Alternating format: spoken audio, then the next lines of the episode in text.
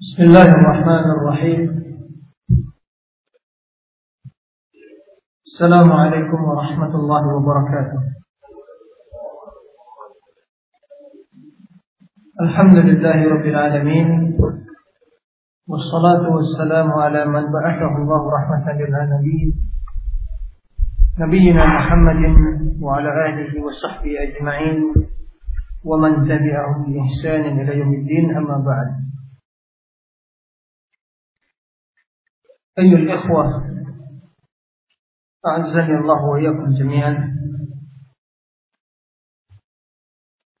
Alhamdulillah Segala puji dan syukur Kita panjatkan kehadirat Allah subhanahu wa ta'ala Yang sampai detik ini Pada pertemuan yang terakhir dalam Torah ini Allah Subhanahu wa taala masih memberikan taufik, hidayah dan pertolongannya kepada kita semua. Sehingga kita masih mampu melakukan segala aktivitas menambah keilmuan dan wawasan kita tentang Islam mengkaji kita-kita para ulama yang insya Allah bermanfaat bagi para tulabul ilm kita seluruhnya dalam kehidupan dakwah dan keilmian kita. Salam salam untuk Nabi kita Muhammad sallallahu alaihi wasallam. Ayol ikhwah, terlanjutkan mudarasah kita tentang kitab Fadlin Salaf ala Ilmu Khalaf perkara yang terakhir yang dikupas pada pertemuan sebelumnya adalah penjelasan tentang perihal para ulama dan keutamaan ulama salaf di mana mereka adalah orang-orang yang mendapatkan kemuliaan dan menduduki posisi yang mulia dalam ilmu dan dalam segala aspek agama. Oleh karenanya mereka dengan keilmuan dan takwa dan warak mereka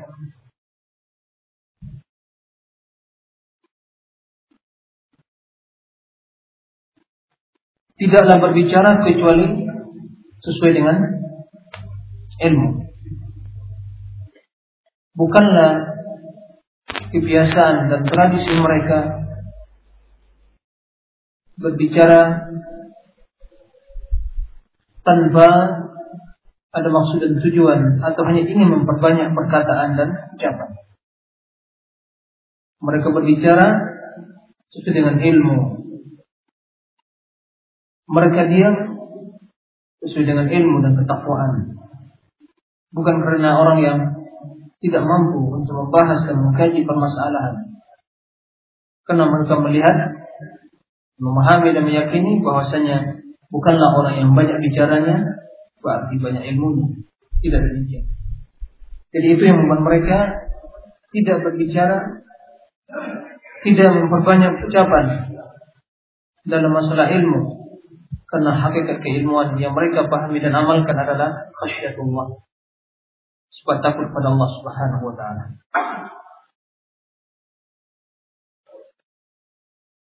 Bahkan kita mendapatkan dalam hadis-hadis atau hadis yang telah kita baca pada pertemuan sebelumnya bahwa banyak berbicara bayan ini minat bayan syihr kata Rasulullah sallallahu oleh karenanya setelah Al-Imam Ibn Rajab menukil perkataan Ibn Abbas tentang perihal para ulama salaf dalam ketakwaan mereka, warahnya mereka, sifat takut mereka. Kemudian kebaikan dan kemuliaan mereka.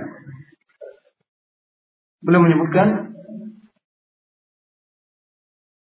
وخرج الإمام أحمد والترمذي من حديث أبي أمامة عن النبي صلى الله عليه وسلم قال الحياء والعي شعبتان من الإيمان والبداء والبيان شعبتان من النفاق وحسنه الترمذي وخرجه الحاكم وصححه Imam Ahmad meriwayatkan mengeluarkan dari Tirmidzi dari hadis Abi Umamah dari Nabi sallallahu alaihi wasallam beliau bersabda sifat madu wal ayyu al ayyu itu adalah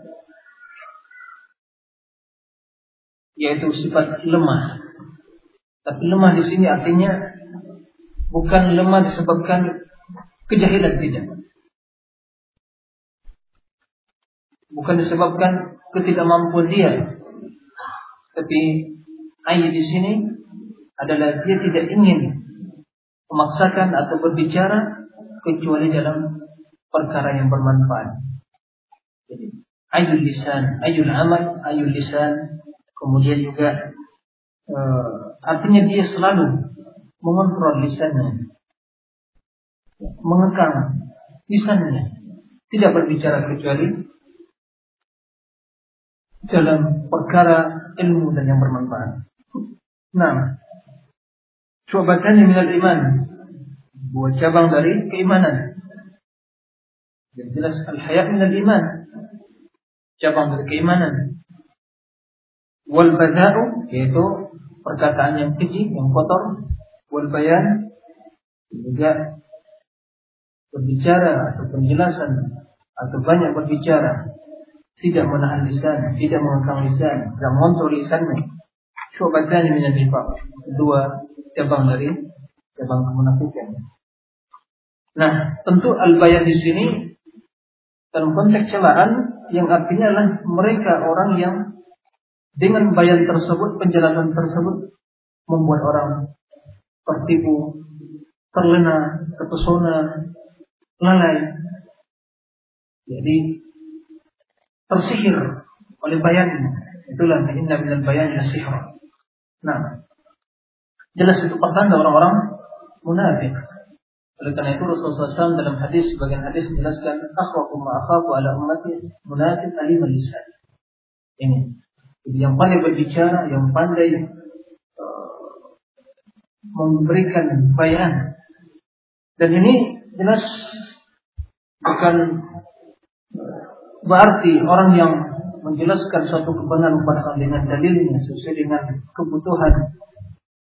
Ya sesuai dengan kondisi dan kebutuhan. Bukan tercela ini maksudnya. Tapi orang-orang yang menggunakan bayan lisan untuk menyesatkan menipu dan juga untuk membuat orang terlena terpesona ya dengan bayannya ini dihasan oleh Tirmidzi dan juga dikeluarkan Hakim dan disahihkannya وخرج ابن حبان في صحيحه عن ابي هريره عن النبي صلى الله عليه وسلم قال البيان من الله والاي من الشيطان وليس البيان بيان بكثره الكلام ولكن البيان الفصل في الحق وليس العي قله الكلام ولكن من من سفه الحق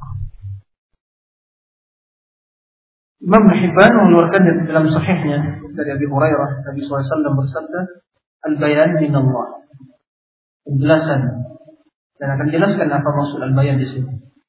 Wal ayyu minasyaitan. Sifat lemah atau orang yang tidak mengontrol lisan. Lemah bukan kita bukan karena orang tidak tapi orang yang dalam kitab ayyu di sini adalah sifat bodoh, berlaku bodoh, bersikap bodoh dan orang-orang yang lemah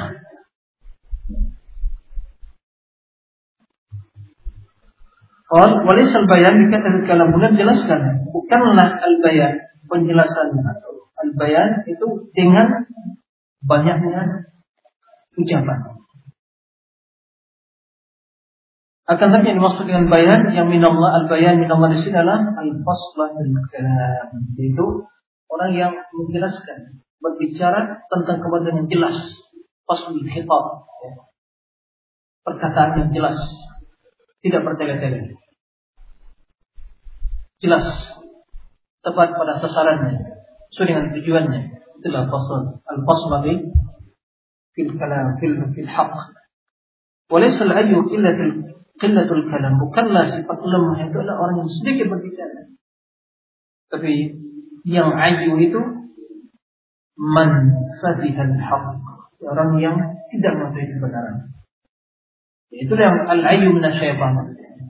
Al-ayyu minasyaitan yang maksudnya adalah orang yang tidak mengenal kebenaran, menjauhi kebenaran. Itu minasyaitan.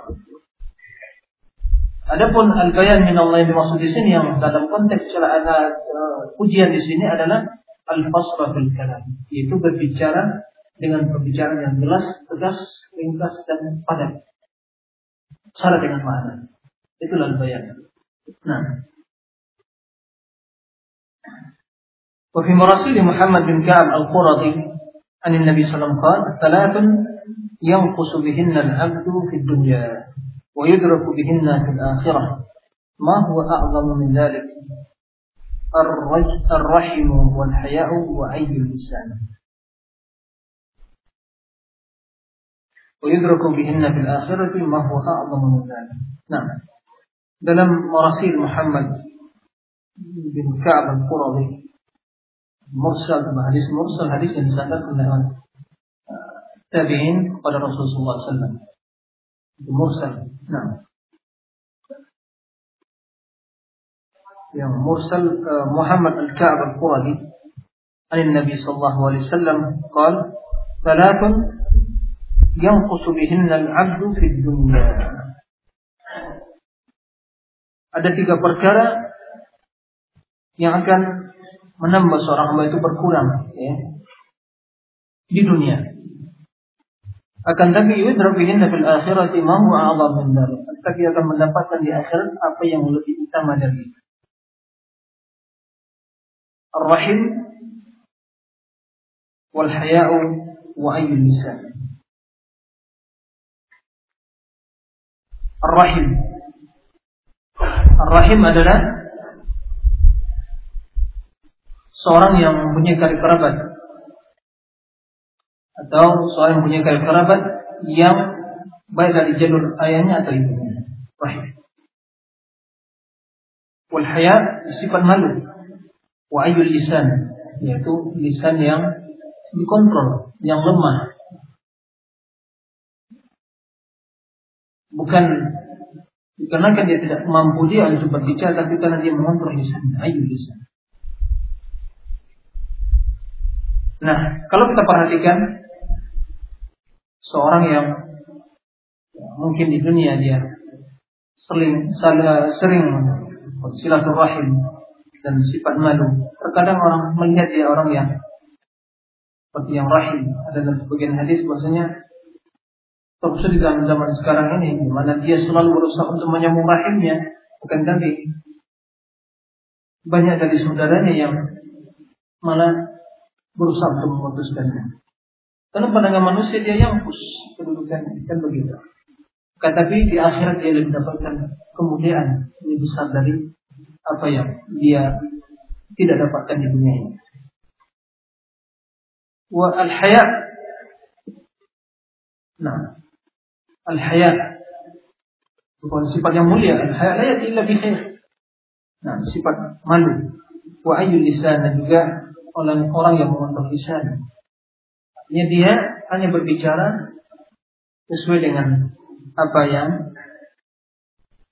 uh, disyariatkan dan mengandung makna, menimbulkan manfaat, bukan sekedar banyak berbicara. Qala Aun bin Abdullah, salatu min al-iman, tiga perkara dari keimanan. Al-haya, sifat malu, wal afa, yaitu sifat yang hormat hormat yang mulia. Wal ayu. Maka di sini dijelaskan ayu yaitu ayu lisan la anil qalb ayul qalb. Ayu lisan yaitu hati yang lemah, al lisan yang lemah. Sekalipun bukan ayul qalb, bukan hati yang lemah, hatinya kokoh dan keimanan, dan keistiqomah. Tapi lisannya kemungkinan tidak seperti orang pandai berbicara. Nah, atau dia mengontrol lisannya sehingga tidak berbicara dengan apa adanya. Nah, Wala adil amal bukan lemah dalam beramal. Dia orang yang kuat keimanannya, hatinya dan juga bersungguh-sungguh bersemangat dalam beramal. Nah itu minal iman. Wahunna mimma yazdadna fil akhir. Dan ketiga perkara itu adalah perkara yang akan menambah, yang bertambah di akhirat. Menambah kedudukan suatu akhirat. Ya.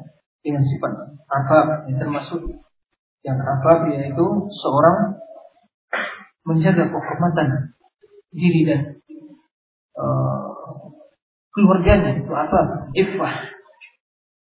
Menjaga kemuliaan, kehormatan diri. Itu minal ifah, al-afaf.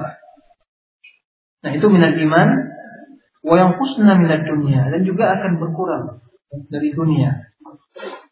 Wa ma yazdadna. Dan sesuatu yang akan menambah kebaikan, kedudukan soal di akhirat, maka tentu lebih besar dari apa yang mengurangi kedudukan muslim di dunia. Sebab kalaupun kita dalam pandangan manusia orang yang kurang atau yang tidak memiliki kedudukan itu di dunia, tapi di akhirat juga kita mempunyai sifat malu. Orang yang mulia menjaga kehormatan diri dan keluarganya dan juga orang yang mengontrol lisannya sehingga berbicara dengan yang benar tetapi hatinya kuat dan amalannya amal orang yang sungguh dalam beramal maka sekalipun dalam pandangan manusia dia itu orang yang lemah orang yang kurang di dunia tapi di akhirat dia akan bertambah kedudukannya nah وقال بعد السلف وروي هذا مرفوعا من وجه ضعيف Asar ini diriwayatkan dari dan disandarkan disandarkan Rasulullah SAW marfu dari akan tapi dari jalur yang baik. Waqala ba'du salaf sebagian salaf mengatakan idza kana ar-rajulu la yajlis bil qaumi fa yarawna anna bihi ayyan wa ma bihi ayyun innahu la faqihun muslim.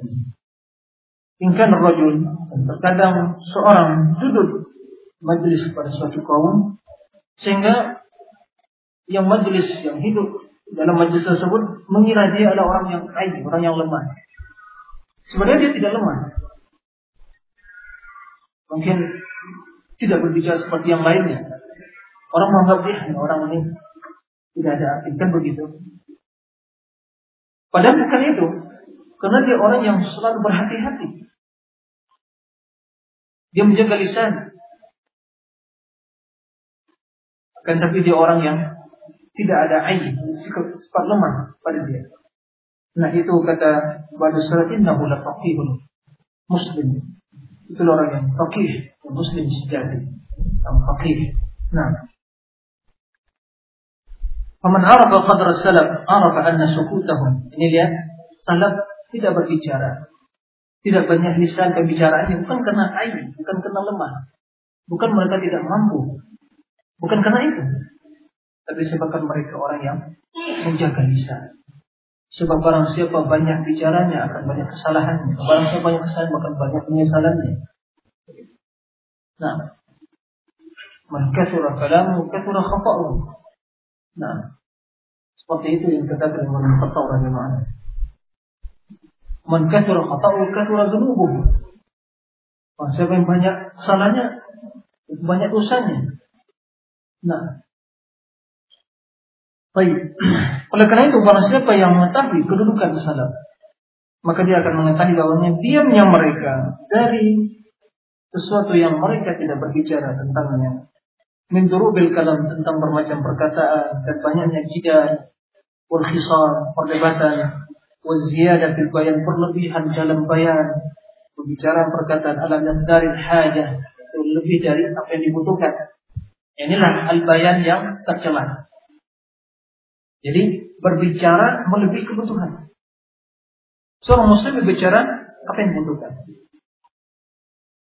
Bukanlah sikap seorang muslim, apalagi boleh ini bicara tanpa memikirkan apa yang diakibatkan oleh perkataan. Al-Muslim sejati itu, boleh ilmi maksudnya, perkataan itu di belakang lisannya. Atau hatinya di belakang lisannya atau lisannya di belakang hatinya. Jadi dia sebelum berbicara dia berpikir dulu. Apa yang akan disebabkan oleh perkataan.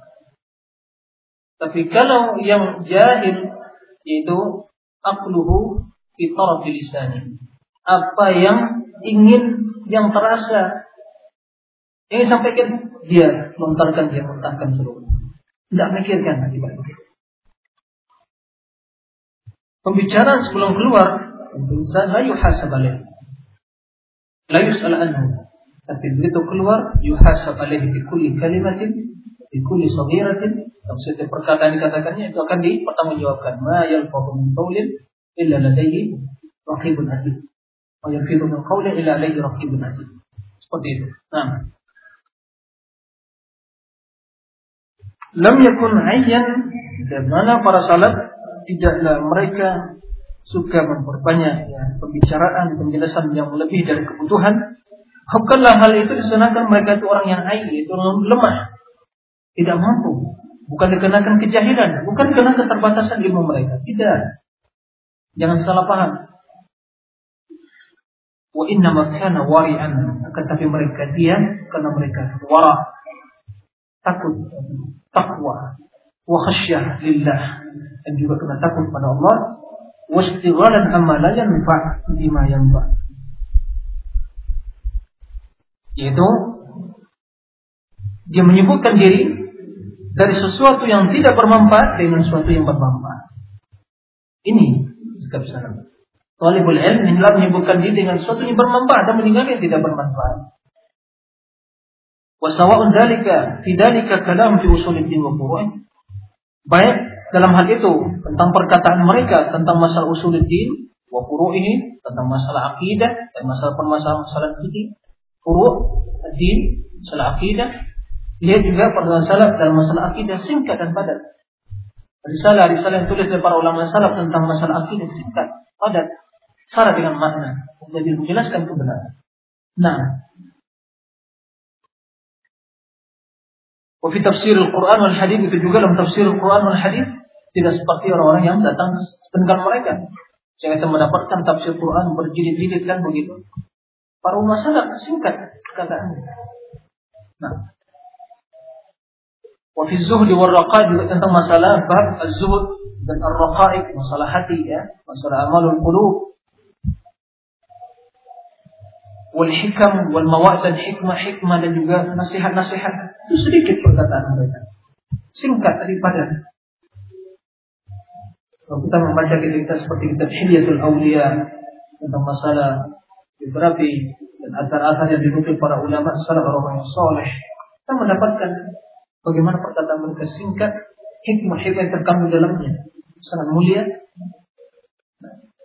Dan kalimat-kalimat seperti itu dan makna-makna yang syarat dengan hikmah dan makna dan uh, pelajaran itu terkadang tidak ditemukan dalam perkataan orang-orang mutakhir.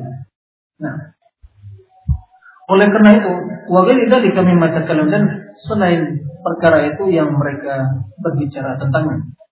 Paman salaka sabilahum faqad ihtada. Nah, barang siapa yang mengikuti jalan mereka sungguh telah dapat petunjuk. Wa man salaka ghaira sabilihim ودخل في كثرة السؤال والبحث والجدال والقيل والقال فإن اعترف لهم بالفضل وعلى نفسه بالنقص كان حاله قريبا Kata beliau, barang siapa yang mengikuti jejak salaf, maka dia akan mendapat petunjuk. Sehingga Allah mengatakan, فَإِنْ آمَنُوا بِمِثْلِ مَا آمَنْتُمْ بِهِ فَقَدْ اهْتَدَوْا jika mereka beriman seperti berimannya kamu para salaf, sahabat dan tabi'in maka mereka sungguh telah mendapat oleh karena kita minta dalam surah Al-Fatihah ihdinas siratal mustaqim. Siapa jalan? Jalan siapa? Jalan yang kita minta. Kita mohon pada Allah untuk tunjuk kepada jalan siratal mustaqim. Ya, jalan yang lurus. Jalannya Rasul dan para sahabatnya. Nah, juga Barang siapa yang menelusuri, mengikuti selain jalan mereka dan masuk menyibukkan diri, masuk ke dalam pembahasan banyak bertanya tidak ada manfaatnya, berbah dan jidal, wal qil omong kosong. Jika dia masih mengakui keutamaan salat, Baiknya i'tarafa lahum bil fadl dan juga masih meyakini mengklaim dirinya dia dengan segala kekurangan dan keterbatasan, maka keadaan dia masih masih ringan, karib, masih perkara masih tidak terlampau jauh, masih dekat. Artinya penyimpangan dia itu belum terlampau jauh. Karena dia masih apa? Masih mengakui keutamaan salat dan mengakui kekurangan dia. Ini perkara masih dekat. Belum terlampau jauh kesesatan menyimpang dan jalan tadi. Baik. Dan ini dijelaskan oleh Allah Subhanahu wa taala dalam Al-Qur'an, "Wa min syaqiqir rasul min ba'di ma tabayyana lahu al-huda wa yattabi' ghayra sabilil mu'minin nuwallihi ma tawalla wa nuslihi jahannam wa sa'at." Barang siapa yang menentang Rasul telah datang petunjuk padanya dengan nyata dan mengikuti selain jalan orang-orang yang beriman ya para salafus salih sahabat dan tabi'in atau tabi'in dan orang-orang yang berjalan atas jalan mereka sampai yaumul kiamat maka Allah akan biarkan ke mana ia berjalan dan juga di akhirat masukkan ke neraka jahanam. Nauzubillah min Nah, oleh karena itu waktu kala Iyas bin Muawiyah Iyas bin Muawiyah berkata, "Ma min ahadin la ya'rifu 'aiba nafsihi illa huwa ahmaq." Qila lahu, "Fama 'aibuk?" Qala kathratul kalam. Iyas bin Muawiyah salah satu mengatakan tidak seorang pun yang tidak mengetahui tentang aib dirinya kecuali dia itu orang yang tolol orang yang bodoh. Jadi gajah di seberang terlihat ah, apa namanya itu? Ya, gajah di pelupuk mata tidak dilihat, tapi ya dilihat di seberang lautan mana bisa dilihat kan begitu. Nah, ini jelas tidak melihat aib dirinya, sibuk dengan aib orang lain kesalahan orang lain. Ya. Dia bisa melihat, tapi dirinya tidak pernah diintrospeksi, diperhatikan apa penyakitnya. Ini merupakan orang yang makrur, yang tertipu. Ini orang yang korban, ujiba binafsihi. Nah ini tentunya harus dihindarkan oleh para ulama ini. Kita menuntut ilmu bukan untuk mengetahui kesalahan orang, tapi untuk mengkoreksi introspeksi diri kita. Lirafil jahli an nafsi. Kata Imam Ahmad, talabul ilmi la ya'diluhu syai'un idza saluhat dunya. Menuntut ilmu itu tidak satupun amalan yang menyamainya dalam keutamaan. Apabila niatnya ikhlas. Benar niatnya. Bila ditanya, "Wa masalah niat?" Apa itu niat yang baik itu? Antanwi di talabil ilmi raf'al jahli. Anda berniat dalam menuntut ilmu untuk mengangkat segala bentuk kebodohan yang ada pada diri Anda. Cuma gairi, cuma para orang lain. Jadi kita pertama sekali yang kita selamatkan dengan menuntut diri kita sendiri. Mengetahui bagaimana aib diri kita. Kemudian memperbaiki. Bukan untuk mengetahui aib orang lain. Kita diciptakan bukan untuk memantau dan juga uh, mematai-matai orang lain, bukan? Ya. Bukan intelijen, bukan. Diutus bukan sebagai intelijen, tidak. Ya. Melihat aib orang tidak, tapi untuk memperbaiki diri kita. Lam nub'as linuhasiban nas. Ya. Kita di, di lam nukhlaq kita diciptakan bukanlah untuk menghisap manusia, mengadili mereka bukan untuk mengkoleksi diri kita. Nah, lantas ditanya, apa aibu? Apa aib dirimu? Kal kesratul kalam banyak bicara. Jadi aib banyak bicara dalam perkara yang tidak yang tidak ada manfaatnya. Naqila wa qal. Kasratul soal. Omong kosong dan banyak bicara dalam perkara yang tidak ada manfaatnya. Ini kalau seandainya dia masih mengakui keutamaan salaf dan mengakui keterbatasan dan kekurangan dirinya. Perkaranya masih dekat. Belum terlampau jauh dia tersesat. Tapi sebaliknya, wa in da'a li nafsihi fadl wa liman sabaqahu an-naqsa wal jahl faqad dhalla dhalalan mubina wa khasira khusranan azim. Jika dia mengatakan atau mengakui mendakwakan keutamaan bagi dirinya dan kekurangan dan kejahilan bagi orang yang mendahului dia. Ah, mubina sungguh dia telah sesat kesesatan yang sangat nyata. Kalau tadi masih dekat, masih bisa cepat ditarik kembali pada Allah. Kalau ini jelas dhalalan mubina. Dia telah memponis atau telah menghina generasi sebelumnya dan mengklaim dirinya lah sebagai orang yang benar. Jadi dia, dirilah yang diri dialah yang mempunyai keutamaan dan kemuliaan. Sementara yang sebelumnya itu jahil, nah, tidak berilmu atau tidak mulia. Jelas ini orang yang telah sesat. Ini menjelaskan kepada kita betapa pentingnya kita dalam menuntut ilmu untuk menelusuri jejak para ulama salaf dan untuk mengenal kemuliaan mereka, kebaikan mereka. Oleh karena itu kata Abdullah bin Mas'ud dalam perkataan yang telah kita baca pada kajian sebelumnya, menceritakan tentang para sahabat di mana keutamaan mereka, hati mereka, keilmuan dan akhlak mereka maka fa'arifu lahum Kenal ketahui dan kenali, pelajari keutamaan mereka. Kemudian wa ta'assau wa ta'afu wa ta'assau wa waqtadu bi dan ikuti jalan hidup mereka. Nah, wa khasira khusran dan sungguh telah merugi kerugian yang sangat besar. Kesimpulannya wa fil jumlah wa fi zaman al-azman al-fasida. Ini di zaman siapa? Imam Ibnu Rajab di zaman ke-8 Hijriah.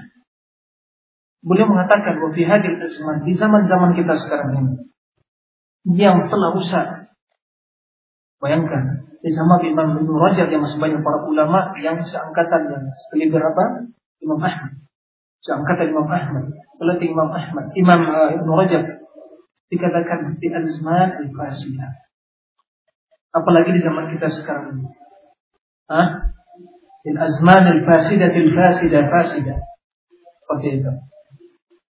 Ya. Karena Rasul mengatakan, "Mayati zaman illa wa ba'dahu syarrun minhu." Kebaikannya telah banyak dicampur oleh apa? Buha. Oleh noda kejahatan atau kebatilan masih ada kebaikan yang kita dicampuri. Dahan, fihi dahan. Dahan itu ya kerusakan yang mencampuri sesuatu yang tidak murni lagi. Banyak tadi campurin dinodai oleh uh, kerusakan tadi. Tapi alhamdulillah senantiasa masih ada yang menebarkan dakwah kebaikan dan sunnah.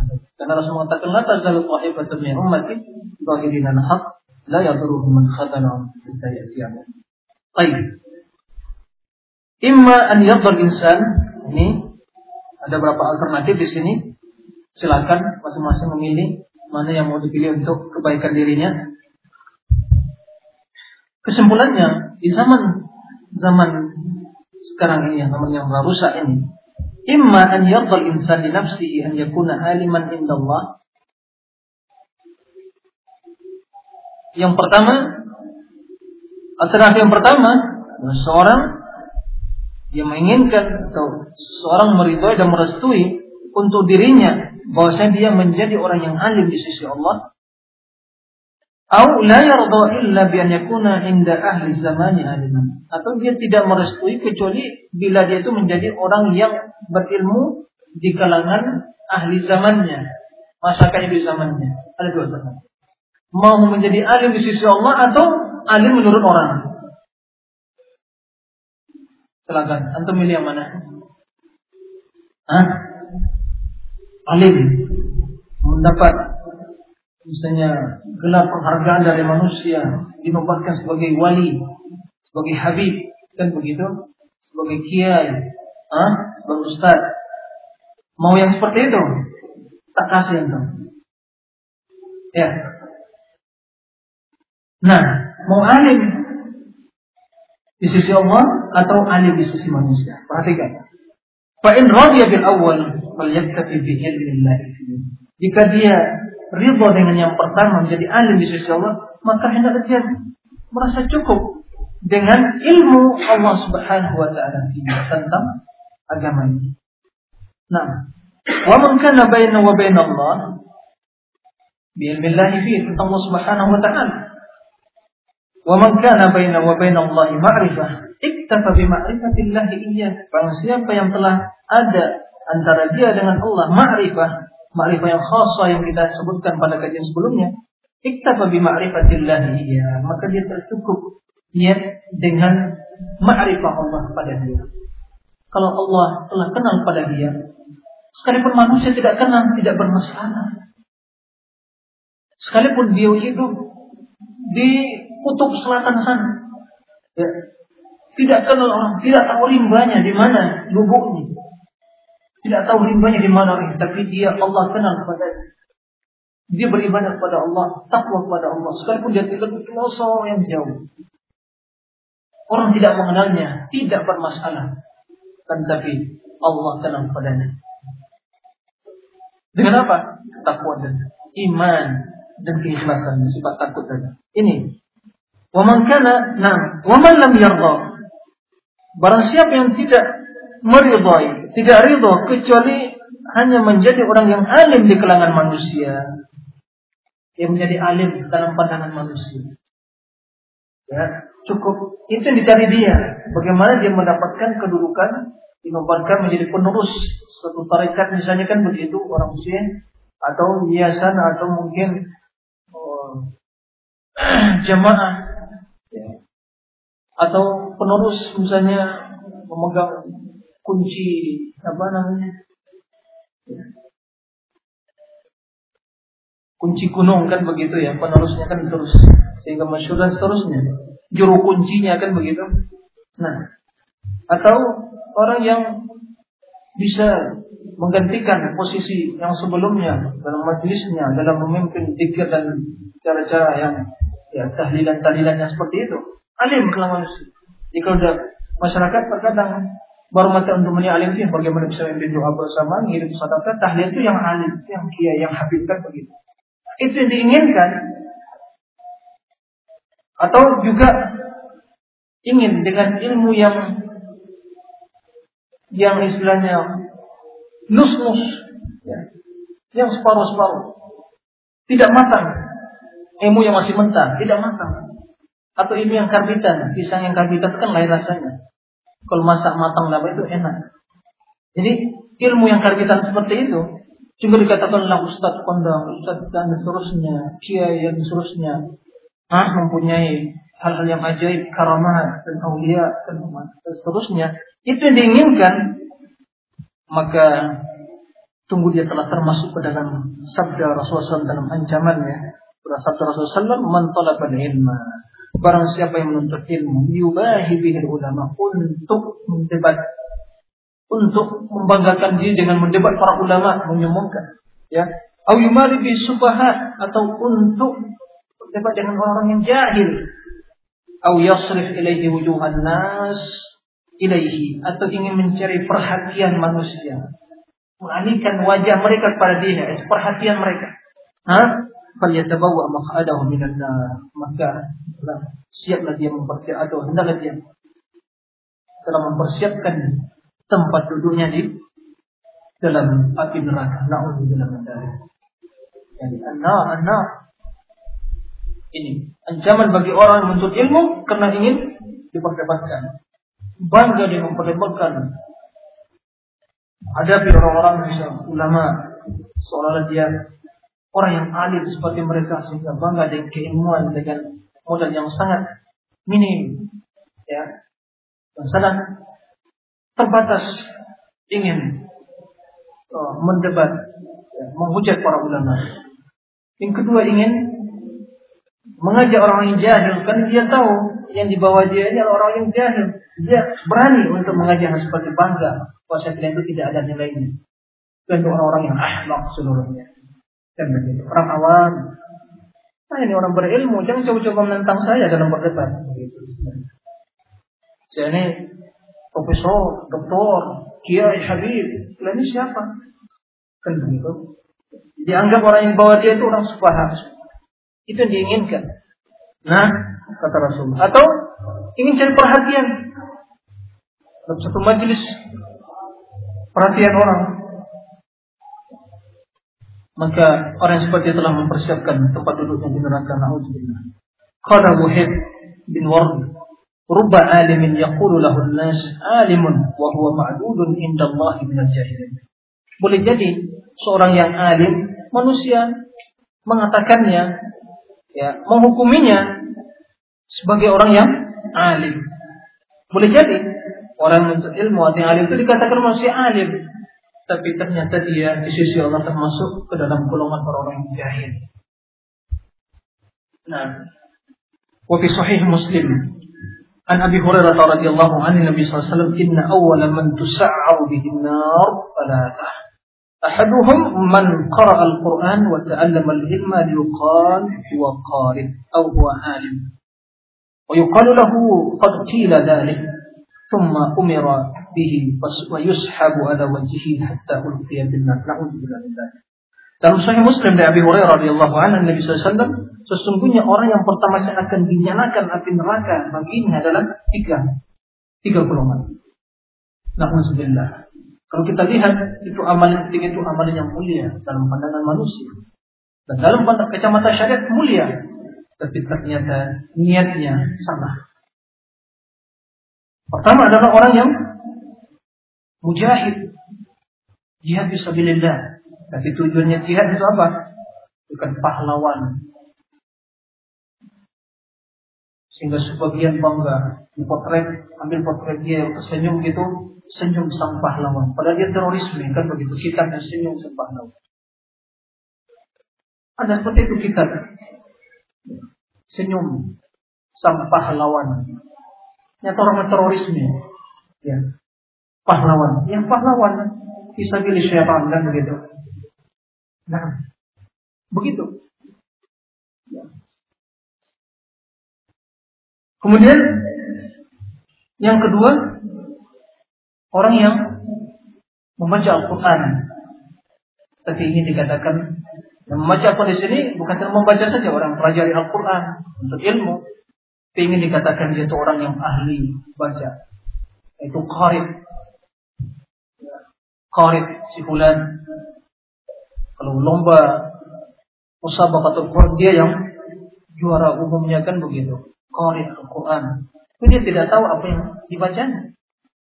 La yujawizu tarakihim tidak melewati kerongkongan dalam lisannya dia bersilat lidah memainkan lisannya kama yatakhadhalul baqara bi adnabiha sebagaimana lembu menggunakan memainkan ekornya kan begitu pandai dengan lantunan-lantunan macam kan begitu. Nah,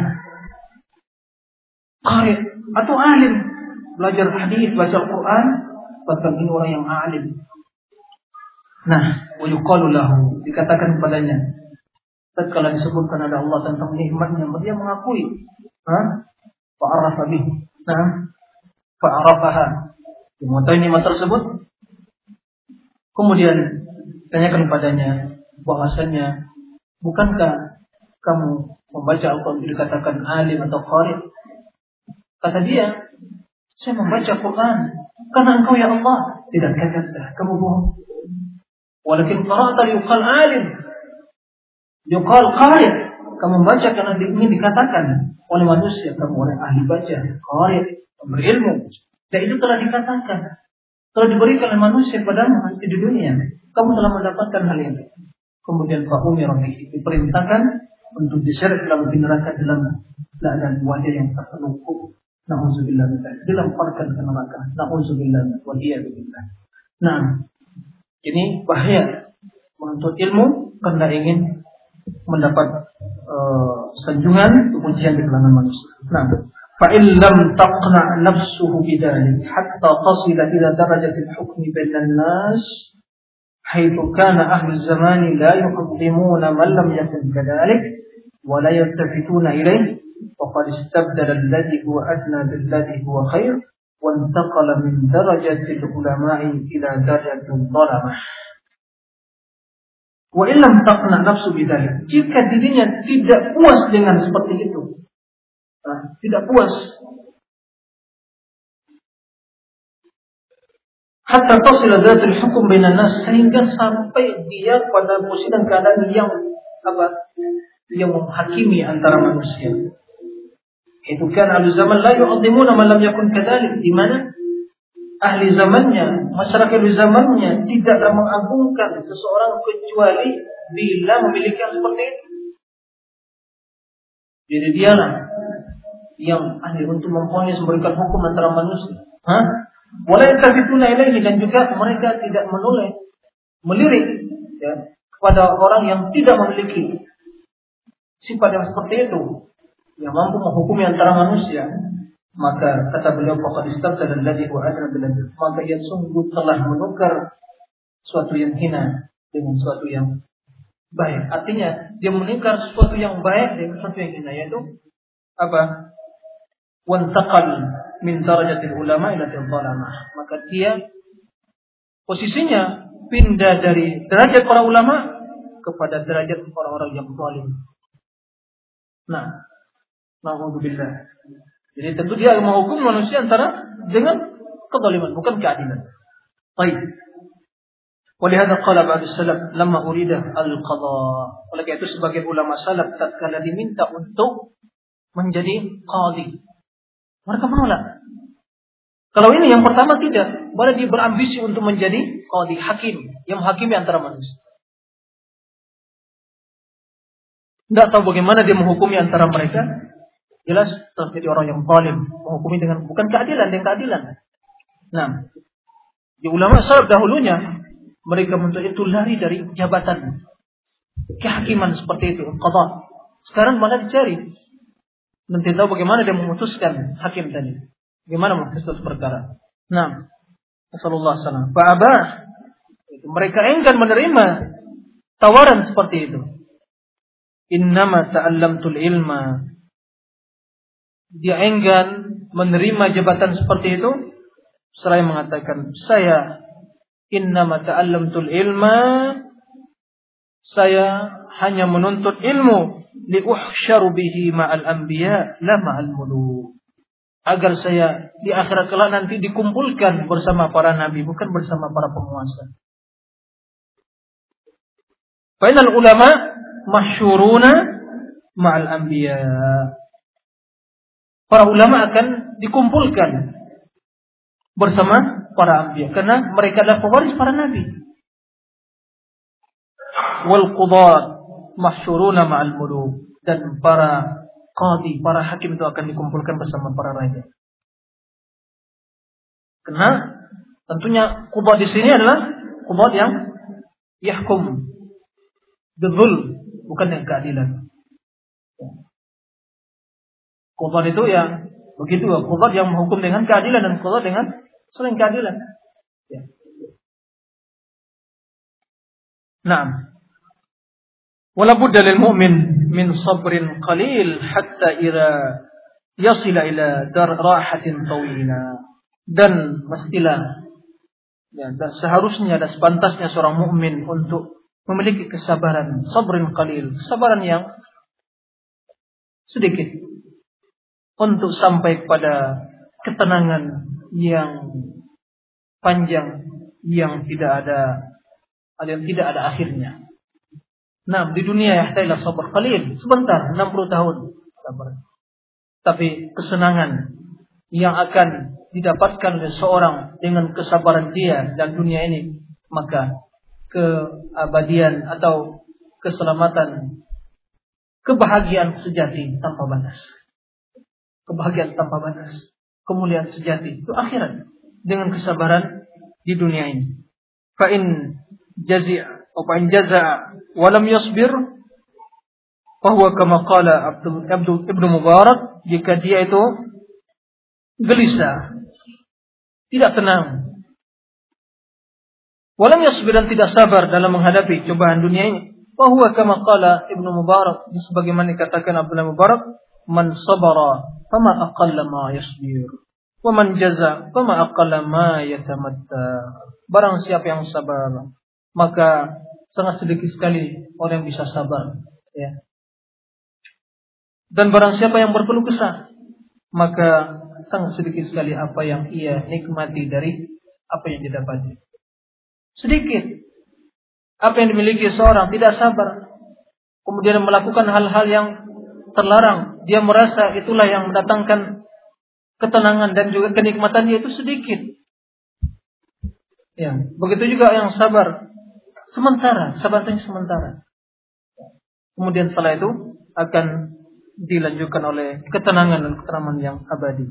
Wa kana Imam Syafi'i rahimahullah yunsid dan Imam Syafi'i rahimahullah melantunkan ya syairnya Ya nafsu ma hiya illa sabra ayamin kana muddatuha adghathu ahlamin Ya nafsu juzi juzi juzi anid dunya mubadaratan fa innal ash fa innal aisha quddamu Imam Syafi'i mengatakan wahai jiwa tiada lain hanya kesabaran sementara karena muddatuha waktunya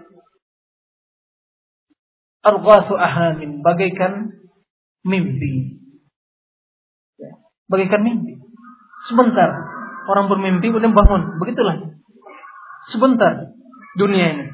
Ya nafsi juzi anid dunia.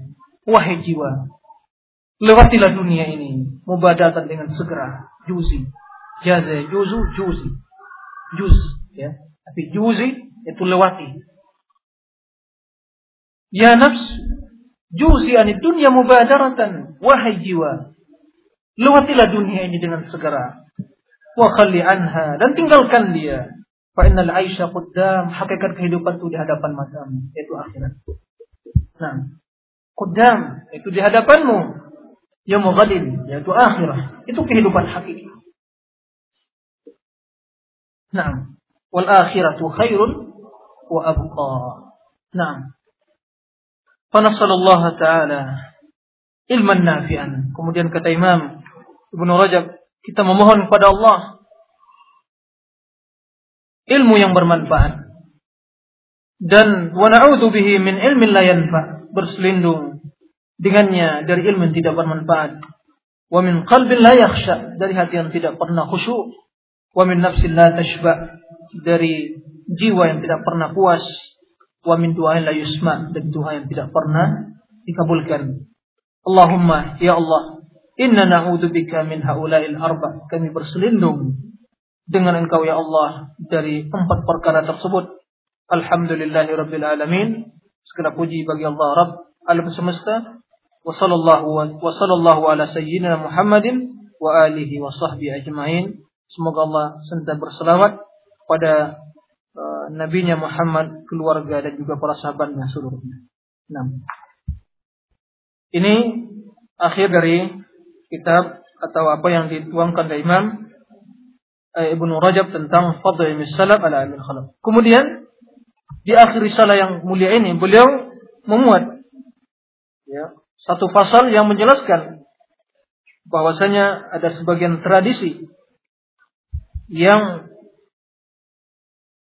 merupakan tradisi yang tercela yang ia merupakan tradisi para ulama ahlul kitab sehingga mereka mempunyai ilmu, tapi ilmu tersebut tidak mewarnai perilakunya dan tidak menambah ketenangan hati dan kesejukan jiwanya. Dan di kalangan umat ini juga ada orang-orang yang menyerupai karakter dan sifat ahli kitab. Di mana ilmu datang, Al-Quran dibacakan, tapi hati mereka tetap menjadi keras bagaikan batu. Tidak pernah mengambil pelajaran dari atau tidak pernah tersentuh hatinya dan tidak pernah hatinya merasakan ketenangan dengan ilmu tersebut. Bahkan semakin ilmu untuk ilmu, tapi ternyata semakin hati semakin jauh. Nah, ini ahlul kitab ya. Faslun dia tadabbar ma Allah bihi ahlul kitab. Ada enggak? Ada. Nah, dia tadabbar ma Allah bihi ahlul kitab Beliau ingin mengingatkan kita tentang bahaya penyakit hati. Dan hendaklah dia merenungi celaan Allah ya terhadap ahlul kitab tentang kerasnya hati mereka setelah datangnya Alkitab, setelah mereka diberi Alkitab, wa musyahadatihim ayat dan telah menyaksikan tanda-tanda kebenaran.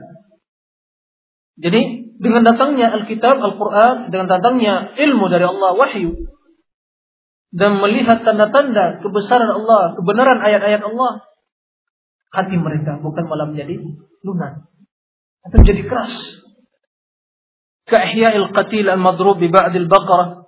Ya, seperti Allah menghidupkan yang dibunuh, ya kan? Dengan al-madrub yang dipukul dengan sebagian dari uh, daging atau sebagian dari bagian lembu yang disembelih itu. Dalam soal Baqarah dijelaskan. Nah. Siapa yang hafal ayatnya? Qadrat, ah? Wa qul nadribuhu bi ba'dihha. Naam. Kadzalika yuhyi Allahul mauta. Naam, ila akhir ayat. Naam. Itu Allah disuruh menyembeli ya. Allah suruh menyembeli apa Menyembeli baqarah kemudian disuruh oleh Allah untuk memukul al-qatil dengan sebagian uh, daging atau bagian dari lembu tersebut. Taib itu tanda-tanda kebesaran dan ayat-ayat Allah yang menjelaskan kekuasaan Allah yang menghidupkan Allah Subhanahu wa taala. Thumma nahaina nuhina anit tashabbuhi bihim fi dzalik. Kemudian kita dilarang menyerupai mereka tentang hal itu. Faqila lana kemudian dikatakan kepada kita itu orang beriman dalam hadis tentang bagaimana ahli kitab datang kitab ilmu tapi hati mereka semakin keras. Ilmu tidak mewarnai hatinya, tidak meluluhkan hatinya, tidak memperlunak hatinya, semakin keras. Semakin jauh dari hakikat ilmu tadi itu, sifat takut dan kecintaan pada Allah. Semakin ambisi menjadi mencari dunia, rakus terhadap kemewahan dunia, Qila lana alam ya'ni lil ladzina amanu an takhsha'a qulubuhum li dzikrillah. Bukankah telah datang waktunya bagi orang-orang yang beriman agar hati mereka khusyuk untuk zikir kepada Allah. Wa ma nazala minal haq dan kepada apa yang diturunkan, kebenaran yang diturunkan. Wa la yakunu kalladzina utul kitab Janganlah mereka menjadi seperti orang-orang yang diberi kitab min qabl sebelum mereka. Fatala alaihimul abad sehingga waktu berjalan semakin lama bersama mereka faqasat qulubuhum hati mereka menjadi keras wa katsir minhum fasikun dan kebanyakan mereka adalah orang yang fasik. Jadi dengar tentang petunjuk al-haq bukan semakin lunak hati mereka, semakin jauh. Nah, itu dilarang kita menyerupai Wabayana fi mawdin akhar sababa qaswatil qulub dan Allah menyebutkan dalam ayat yang lain tentang sebab kerasnya hati mereka. Karena uqubatan lahum merupakan azab ya bagi mereka. Waqala subhana fabima naqdihim mitsaqahum la'annahum wa ja'alna qulubahum qasiyah. Maka disebabkan disebabkan oleh disebabkan oleh mereka membatalkan janji-janji mereka. Memutuskan ya perjanjian, membatalkan perjanjian mereka. La'annahum kami melaknat mereka dan menjadikan menjadikan hati mereka menjadi keras. Sebab kenapa? Dosa yang mereka lakukan. Allah mengambil perjanjian atas mereka untuk menyampaikan kitab, tidak menyembunyikannya, menerima kebenaran untuk beriman dengan semakin mereka membatalkan janji-janji Allah. Ya, perjanjian yang telah mereka ambil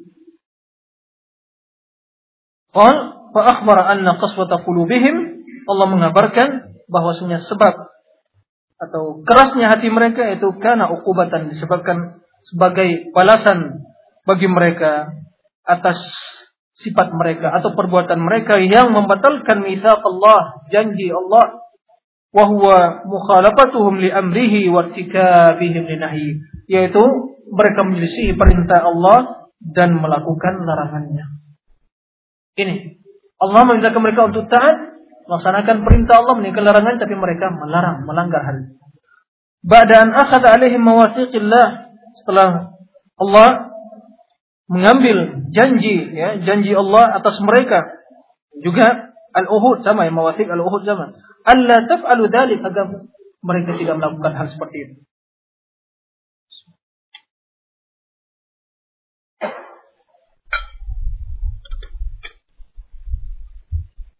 Nah. ثم قال يحرفون الكلمة عن مواضعه ونسوا حظا مما ذكروا mereka memalingkan al-kalim itu perkataan-perkataan itu ayat-ayat Allah dari tempatnya dari maknanya dari hakikat maknanya diselewengkan maknanya oleh mereka dan terkadang juga diselewengkan hurufnya. Wa nasuhalla mimma dzukiru dan mereka telah melupakan apa yang bagian atau sebagian ya hal bagian yang telah mereka atau diperingatkan mereka dengan hal itu. Dilupa dengan apa yang telah Allah peringatkan pada mereka. Fadzakara anna qaswatal qulub qaswata qulubihim aujabat lahum khaslataini madmumataini. Maka Allah menyebutkan bahwasanya kerasnya hati mereka itu menyebabkan menimbulkan bagi mereka dua karakter, dua sifat yang tercela. Yang pertama, apa? Ihdahuma tahriful kalim an ma'an ba'di mawan. Mereka menyelewengkan ya, perkataan-perkataan Allah dari sebagian tempatnya atau ayatnya dari tempatnya. Ini apa yang menyebabkan hal itu karena hati mereka telah keras. Yuharifunal kalim. Kemudian yang kedua, nisyanuhum haddan mimma dzukiru. Mereka melupakan sesuatu yang Allah telah peringatkan mereka dengannya. Haddan, bagian mereka. Itu kebaikan mereka, mereka lupa karena hati mereka. Ini makanya mari kita waspada. Jangan sampai kita menyerupai karakter dan sifat orang-orang Yahud atau Nasara ahli kitab. Wal muradu tarkuhum wa ihmaluhum nasiban mimma dhukiru bihi min al-hikmah wal mau'izah al-hasana fanasu dhalika wa taraku al-amal bihi wa ahmalu. Maksudnya mereka meninggalkan dan membiarkan sebagian ya nasib bagian dari apa yang telah diperingatkan pada mereka berupa al-hikmah, ilmu, wal mau'izah al-hasana nasihat yang baik. Dan melupakan hal itu kemudian mereka meninggalkan tidak mengamalkannya dan membiarkannya. Ini. Wahadanil amrani mawjudan. Kedua perkara ini senantiasa ada. Ya. Billadzina fasadu min ulama'ina. Dalam diri orang-orang yang telah rusak dari kalangan ulama kita. Limusyabahatihim li ahli kitab. Karena mereka telah menyerupai ahlul kitab. Ahaduhuma tahrif. Jadi ulama usu ini ulama su Kerja mereka mentahrif Al-Quran, mentahrif Al-Hadis. Menyelewengkan maknanya. Allah mengatakan wabtahu ilaihil wasilah. Dia mengatakan wasilah itu ya artinya kita pergi ke kuburan para wali meminta wasilah bertawasul dengan jah-jah para wali, kedudukan para wali. Allah mengatakan menjelaskan wasilah itu adalah at-taqarrub ilai bil amali salihah. Mendekatkan diri kepada Allah dengan apa? Amal-amal salihah. Itu yang jelaskan tentang wasilah. Tapi mereka selewengkan maknanya. Nah, wasilah itu arti kita bertawasul dengan kuburan para wali, para wali. Maka pergi berkubur. Ziarah bertawasul dengan mereka. Itu tahribul kalim. Yang drama. Ketahribul kalim. Atau orang-orang mu'attilah yang mengingkari sifat istiwa. Allah mengatakan Ar-Rahman al-Istawa. Mereka mengatakan Ar-Rahman istawa artinya bukan irtaba wa'ala artinya istaula berkuasa diselewengkan. Nah Allah mengatakan yadullah fawqa aydihim. Tangan Allah atas tangan mereka. Lima khalaqtu biyadayya. Ma mana'aka an tasla lima khalaqtu biyadayya. Iblis apa yang melarangmu? Apa yang menghambatmu menghalangmu tidak mau sujud pada Adam yang kuciptakan dengan kedua tangan. Allah yang berikan kedua tangan. Tapi mereka mentahrif Oh, bukan itu bukan kedua tangan, tapi kekuatan kata mereka, kekuasaan. Ini tahriful kalimat mu'al. Banyak. Nah. Allah mengatakan wa'bur rabbaka hatta ya'tiyakal yaqin. Ibadatilah Rabbmu sampai datang kematian, yakin kematian. Tapi mereka menolak sampai yakin ma'rifat. Kalau telah ma'rifat, telah sampai pada tingkat ma'rifat paling tinggi, maka tidak telah pensiun dari ibadah. Tidak sholat, tidak puasa, tidak yang lainnya. Bahkan boleh melakukan hal-hal yang diharapkan. Na'udzubillah. Karena dah keluar telah pensiun dari ibadah. Na'udzubillah. Maka gugurlah segala kewajiban agama. Itu akidah orang wahidatul wujud. Ya, atau orang-orang tarik supir dan kebatinan. Nah, seperti itu. Itu tahrif. Oleh karenanya, ada orang-orang yang dinamakan para ulama mentahrif. Seperti itu telah menyerupai ahlul kitab. Fa inna man fa inna man tafaqqaha li amal yaqsu qalbuhu fala yashtaghil bil amal. Barang siapa yang belajar bukan untuk diamalkan, intabi ya jemaah. Kita belajar bukan untuk sekedar memperbanyak keilmuan tidak. Barang siapa yang beramal, tafakkur, ya untuk bukan untuk diamalkan, maka hatinya akan menjadi keras, maka dia tidak akan beramal, melakukan, menyebutkan dia dengan beramal. Bal bitahrifil kalim dia akan sibuk menyelewengkan makna. Oh ya begini, begini diselewengkan. Tujuan bukan untuk diamalkan, untuk memperdebatkan. Makanya sebagian kata ulama salaf, "Idza aradallahu bil uh, bil, uh, bil 'abdi khairan fatalah fataha lahu babal amal wa aghlaqa lahu babal jadal wa idza arada bil abdi syarran fataha lahu babal jadal wa aghlaqa lahu babal amal jadi semuanya berdebat menyelewengkan makna bersilat lidah dan macam-macam. Tapi amalan tidak ada. Ini min alamati syaqa syaqa. Yang merupakan pertanda kebinasaan dan kesengsaraan. Nauzubillah min dzalik. Bal tahrifil kalim bahkan tugasnya kerjanya setiap hari, setiap waktu menyelewengkan makna-makna atau kalimat-kalimat atau ayat-ayat wasarfi al-fadil kitabi an mawadhi kitab wa sunnah an al dan menyelewengkan lafaz-lafaz Al-Qur'an, ayat-ayat Al-Qur'an dan juga hadis-hadis, lafaz-lafaz hadis an mawadhi dari tempat, dari makna yang sebenarnya. Itulah ta'wil yang dikenal di kalangan ahlul bidah mutakhirin yaitu sarful lafzi an mawdi'ihi ila ma'an an ma'na rajih ila ma'na al marjuh bima la yadullu alaihi Allah menyerangkan makna dari makna yang rajih yang kuat pada makna yang lemah yang tidak dijelaskan oleh lafaz itu sendiri tentang makna yang di uh, yang mereka selewengkan padanya. Nah, kemudian والتلطف في ذلك بأنواع الحيل اللطيفة مما حملها على مجازات اللغة والمستعبة kemudian dia dengan segala kelicikannya. Fidzalika dalam hal seperti itu bi anwa'il hiyal dengan hiyal-hiyal ya al-latifah yang halus yang tersembunyi. Dia berkilah berhial ya min hamliha alal majazatil lughah. Dengan membawa ayat tersebut pada ini majaz bil lughah tidak hakikatnya. Seperti ini majaz kata mereka. Ini merupakan salah satu tagut ya di antara tagut yang digunakan oleh orang-orang yang mu'attilah untuk mengingkari sifat-sifat Allah oh ar-rahman atau sifat ayat itu bukan hakikatnya ya itu majaz diingkari al-mustab al-mustab'adah ya majaz atau makna-makna dari uh, bahasa yang mustab ada yang sangat jauh. Wa nahwi yang seumpama dengan itu. Wa fi alfadhi sunan dan mencela, mengkritisi lafaz-lafaz sunnah.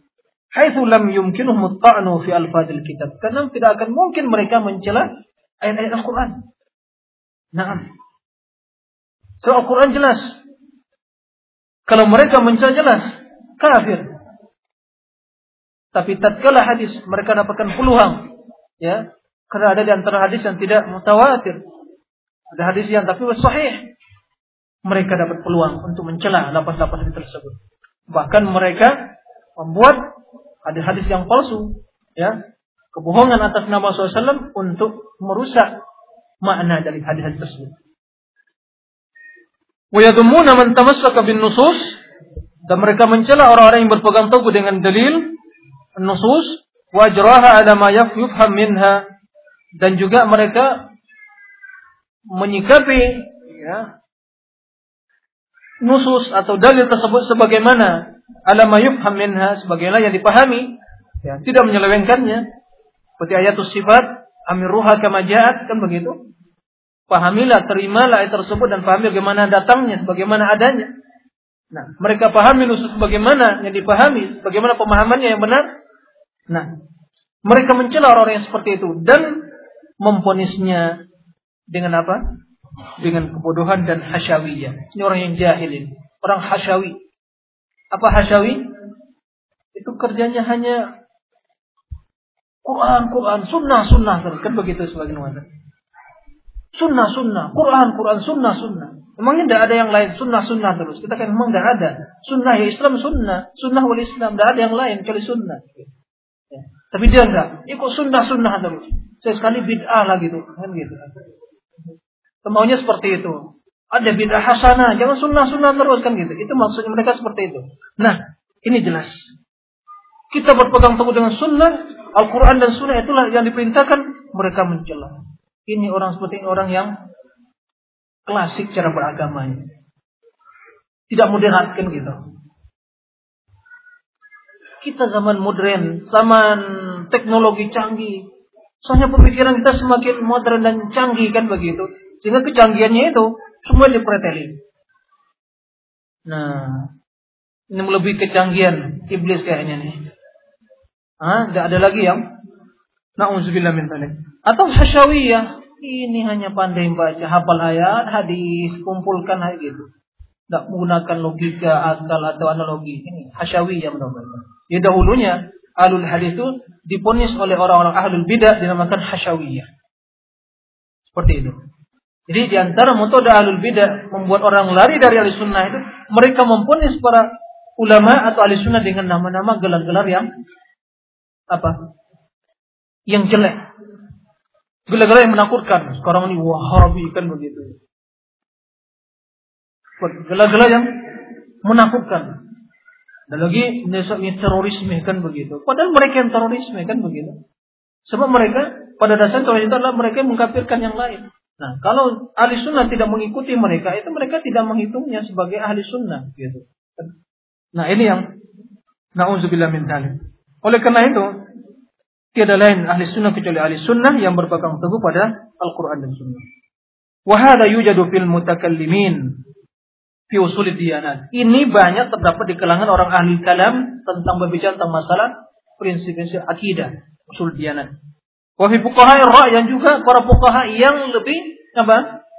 Mengutamakan ra'i, itu pendapat atau logika. Wafi sufiyatil falasifati wal mutakal. Dan orang-orang sufi yang telah uh, diwarnai oleh pemahaman filsafat dan orang-orang mutakallimin. Itu banyak seperti itu. Jadi semua ahli bidah umumnya seperti itu. Mencela ahli sunnah min alamati ahli bidah tasmiyatu ahli sunnah bi kata para ulama bil musyabbihah atau syawiyah atau dan seterusnya. Dinamakan seperti itu. Nah, itu dah bukan istilahnya uh, metode yang baru di zaman sekarang. Telah lama sebelumnya. Para ulama telah mengingatkan kita. Bila kita mendapatkan orang-orang mencari sunnah dengan menamakan mereka. Dengan penamaan dan gelar-gelar yang uh, yang membuat orang lari. Dan itu semuanya kebohongan maka pada dasarnya mereka tiada lainnya hanya mewarisi metode para apa pendahulu-pendahulu mereka dalam bid'ah tersebut. Nah. Wasani yang kedua nisyanu hadzin mimma dzukiru bihi min al-ilmi nabi. Mereka merupakan ya sebagian ya bagian yang mereka telah diperingatkan dengan hal itu berupa ilmu yang bermanfaat. Jika hati mereka telah keras maka mereka akan lupa terhadap ilmu yang diberikan pada mereka. Fala tattaidu qulubuhum, maka hati mereka tidak pernah tersentuh ya, mendapatkan nasihat, mengambil pelajaran. Bal man ta'allama ma dan bahkan mencela orang-orang yang belajar apa yang membuat hati mereka menangis ya, membuat mereka menangis dan lunak hatinya wa yusammunahu qasan dan dinamakan oleh para pencerita. Jadi di sini terjadi apa?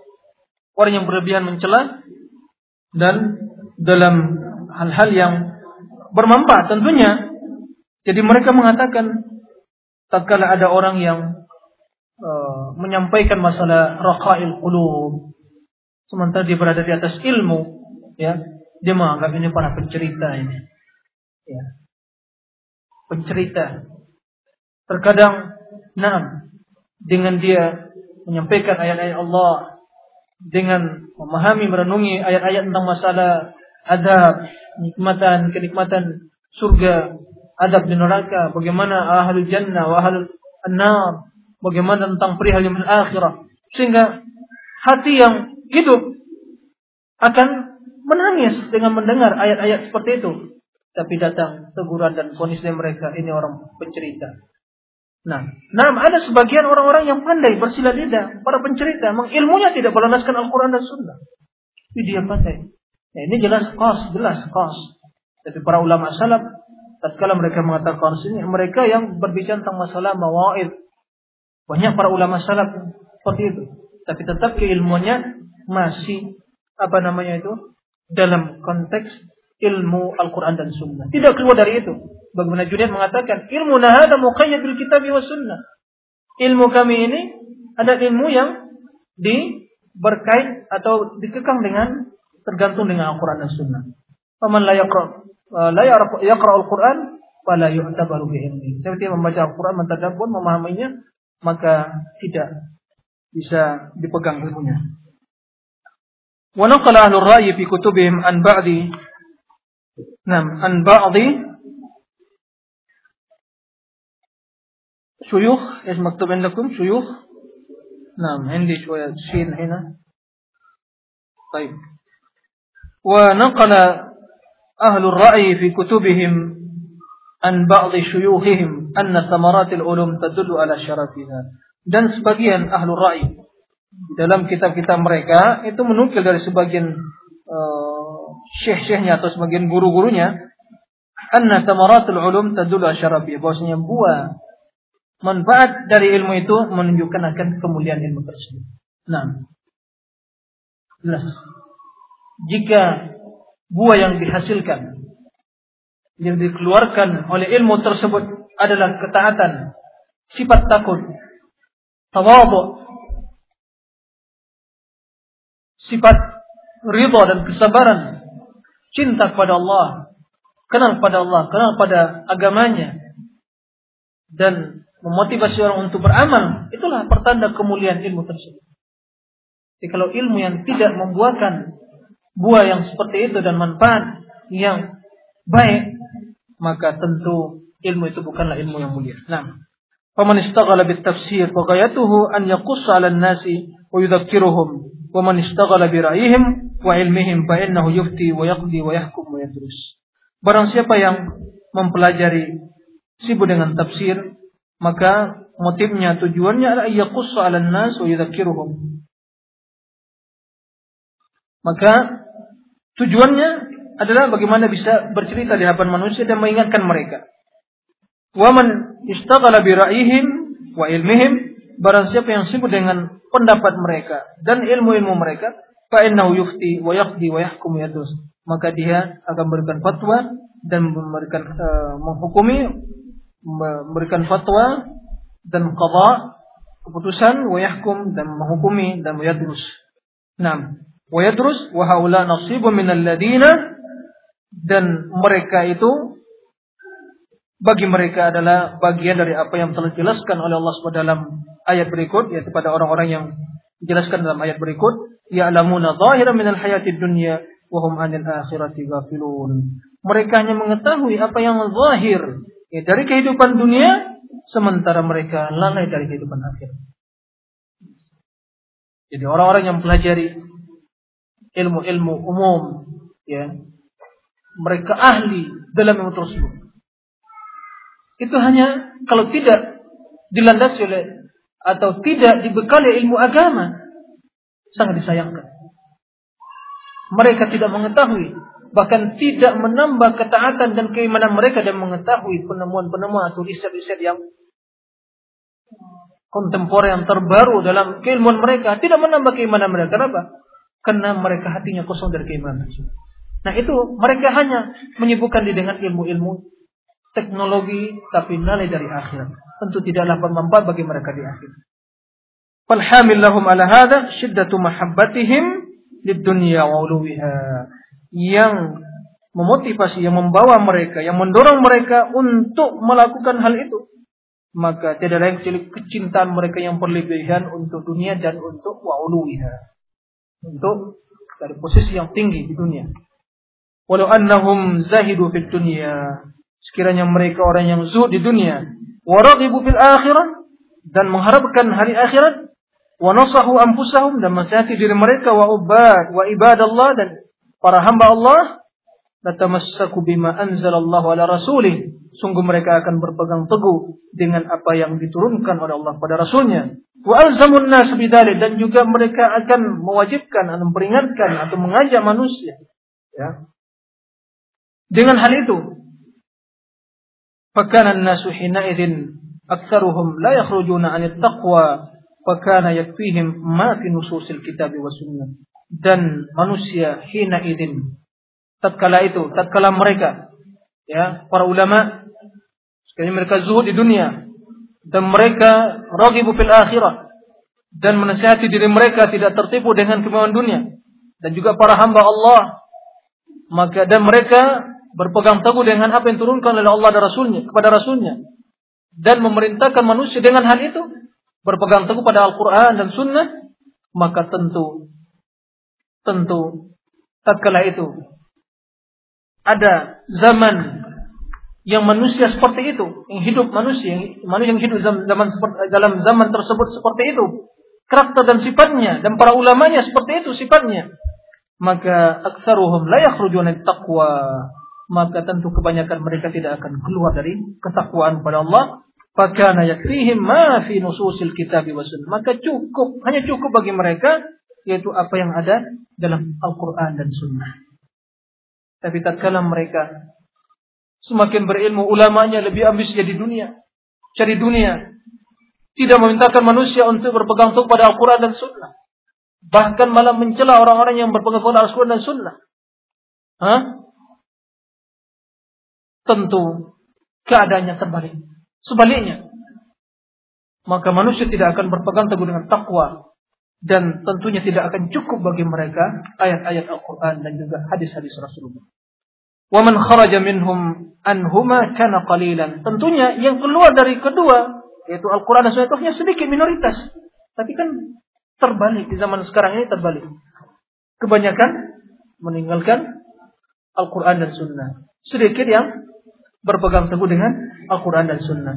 Karena mayoritas dari ulamanya itu juga ambisi menjadi dunia dan juga saling berebut kekuasaan di pemerintahan dan menjual ilmu dan keulamaan ke apa namanya itu keilmuan dia posisi dia sebagai panutan umat dan tokoh itu untuk mendapatkan apa kedudukan dan kursi di pemerintahan itu yang berbahaya.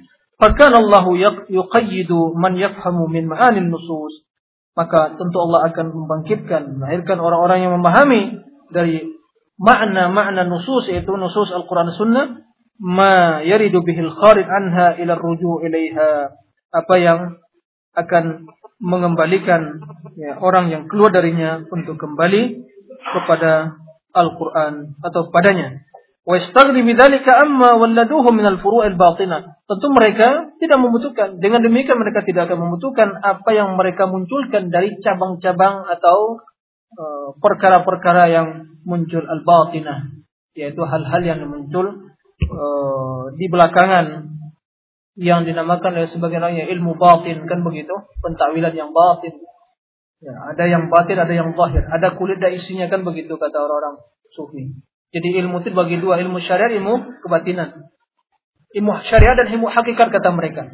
Nah, kita yang pelajari ilmu hukum-hukum ini, ilmu syariat belum masuk ke dalamnya, belum tenggelam, belum terjun ke dalam lautan itu kata mereka, mencari intan berlian yang ilmu hakikatnya. Jadi masih berenang di atas-atas apa namanya itu? Di masih di ya, belum menyelam ke dalam. Masih di atas laut aja. Berenangnya masih belum menyelam ke dalam mencari intannya kata mereka. Jadi begitu. Jadi siapa yang telah sampai menyelam betul masuk ke dalam keilmuan tadi itu orang-orang yang betul mendalami hakikat ilmu kebatinan tadi sehingga juga sampai menyelam sehingga tidak bisa keluar lagi. Ya mati dalam tengah lautan tadi, dalam hakikat tadi. Kenapa? Nah, banyak yang tenggelam dalam kebatilan dan kekufuran tadi. Bahkan banyak yang gila dan sinting karena mengikuti ilmu kebatinan seperti itu. Karena kaji, kajinya mereka, kajian mereka pelajaran mencari mencari Tuhan. Begitu. Sehingga Ibnu Arabi ya bukan Ibnu Arabi harus bedakan Ibnu Arabi yaitu bin Nakirah Abna Ibnu Arabi adalah ulama Malikiyah mufassir Abna Ibnu Arabi itu mungkar ya. Karena wahdatul wujud kan juga. Sampai mengatakan saya tidak tahu. Siapa yang saya ibadati? Apakah saya ini dia dan dia saya? Maka saya tidak tahu apakah saya yang beribadah atau dia yang beribadah. Apa makanya kalau kita melihat ada pernyataan-pernyataan yang aneh dan nyeleneh dari sebagian orang diwalikan. Dia mengatakan sama semua agama itu. Kenapa sama? Semuanya hakikatnya sama. Kenapa? Sebab dia melihat bahwa bahwasanya zat yang benar itu telah menyatu dalam segala elemen atau makhluk ini. Jadi juga yang melakukan syirik juga pada akadnya itulah penjelmaan yang ilah kan. Jadi sama semua mereka. Nah, wal hiyal muharrama allati bisababiha dan juga hiyal-hiyal hila-hila yang yang haram, hil-hil yang haram allati bisababiha futihat abwabur riya wa ghairi minal muharramat. Disebabkan hal itu maka terbukalah pintu-pintu ya untuk melakukan riya dan yang lainnya dari hal-hal yang haram. Wastahallat maharimullah sehingga mereka menghalalkan hal-hal yang diharamkan oleh Allah bi bi adnal hiyal dengan hiyal yang sangat apa tidak ada nilainya dengan hiyal yang nah ringan atau sangat mudah gitu meng, e, mengharam, menghalalkan hal-hal yang diharamkan dengan alasan yang sangat lemah.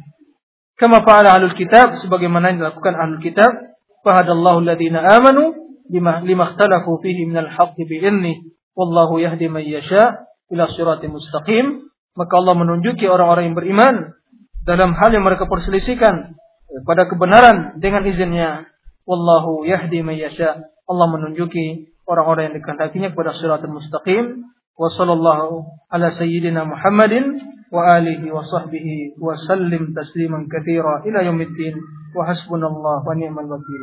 Semoga Allah senantiasa berselawat kepada nabinya, keluarga dan para sahabatnya dan salam yang banyak ya, berikan keselamatan pada padanya sampai yaumuddin wa hasbunallah wa ni'mal wakil. Nah, cukuplah Allah sebagai penolong dan sebagai tempat kita bertawakal. Nah, alhamdulillah ya binikmatihi tatimmu salihat. Alhamdulillah kita bisa menyelesaikan dan mengkaji kitab ya Fadl Ilmi Salah ala Ilmi bisa menyelesaikan atau membaca kitab yang mulia ini. Mudah-mudahan dari apa yang kita uh, baca, yang kita pahami dan kita dengar mudah-mudahan bermanfaat menjadi hujjah bagi kita la hujjah alaina dan semoga Allah Subhanahu wa taala membimbing kita semua untuk mendapatkan ilmu yang bermanfaat dan menjadikan hati kita hati yang khusyuk dan jiwa kita jiwa yang qanaah dan menerima doa dan permohonan kita. Demikian wallahu alam wa sallallahu wasallam nabiyina Muhammadin wa ala alihi wa sahbihi wasallam wa akhiru da'wana alhamdulillahi rabbil alamin.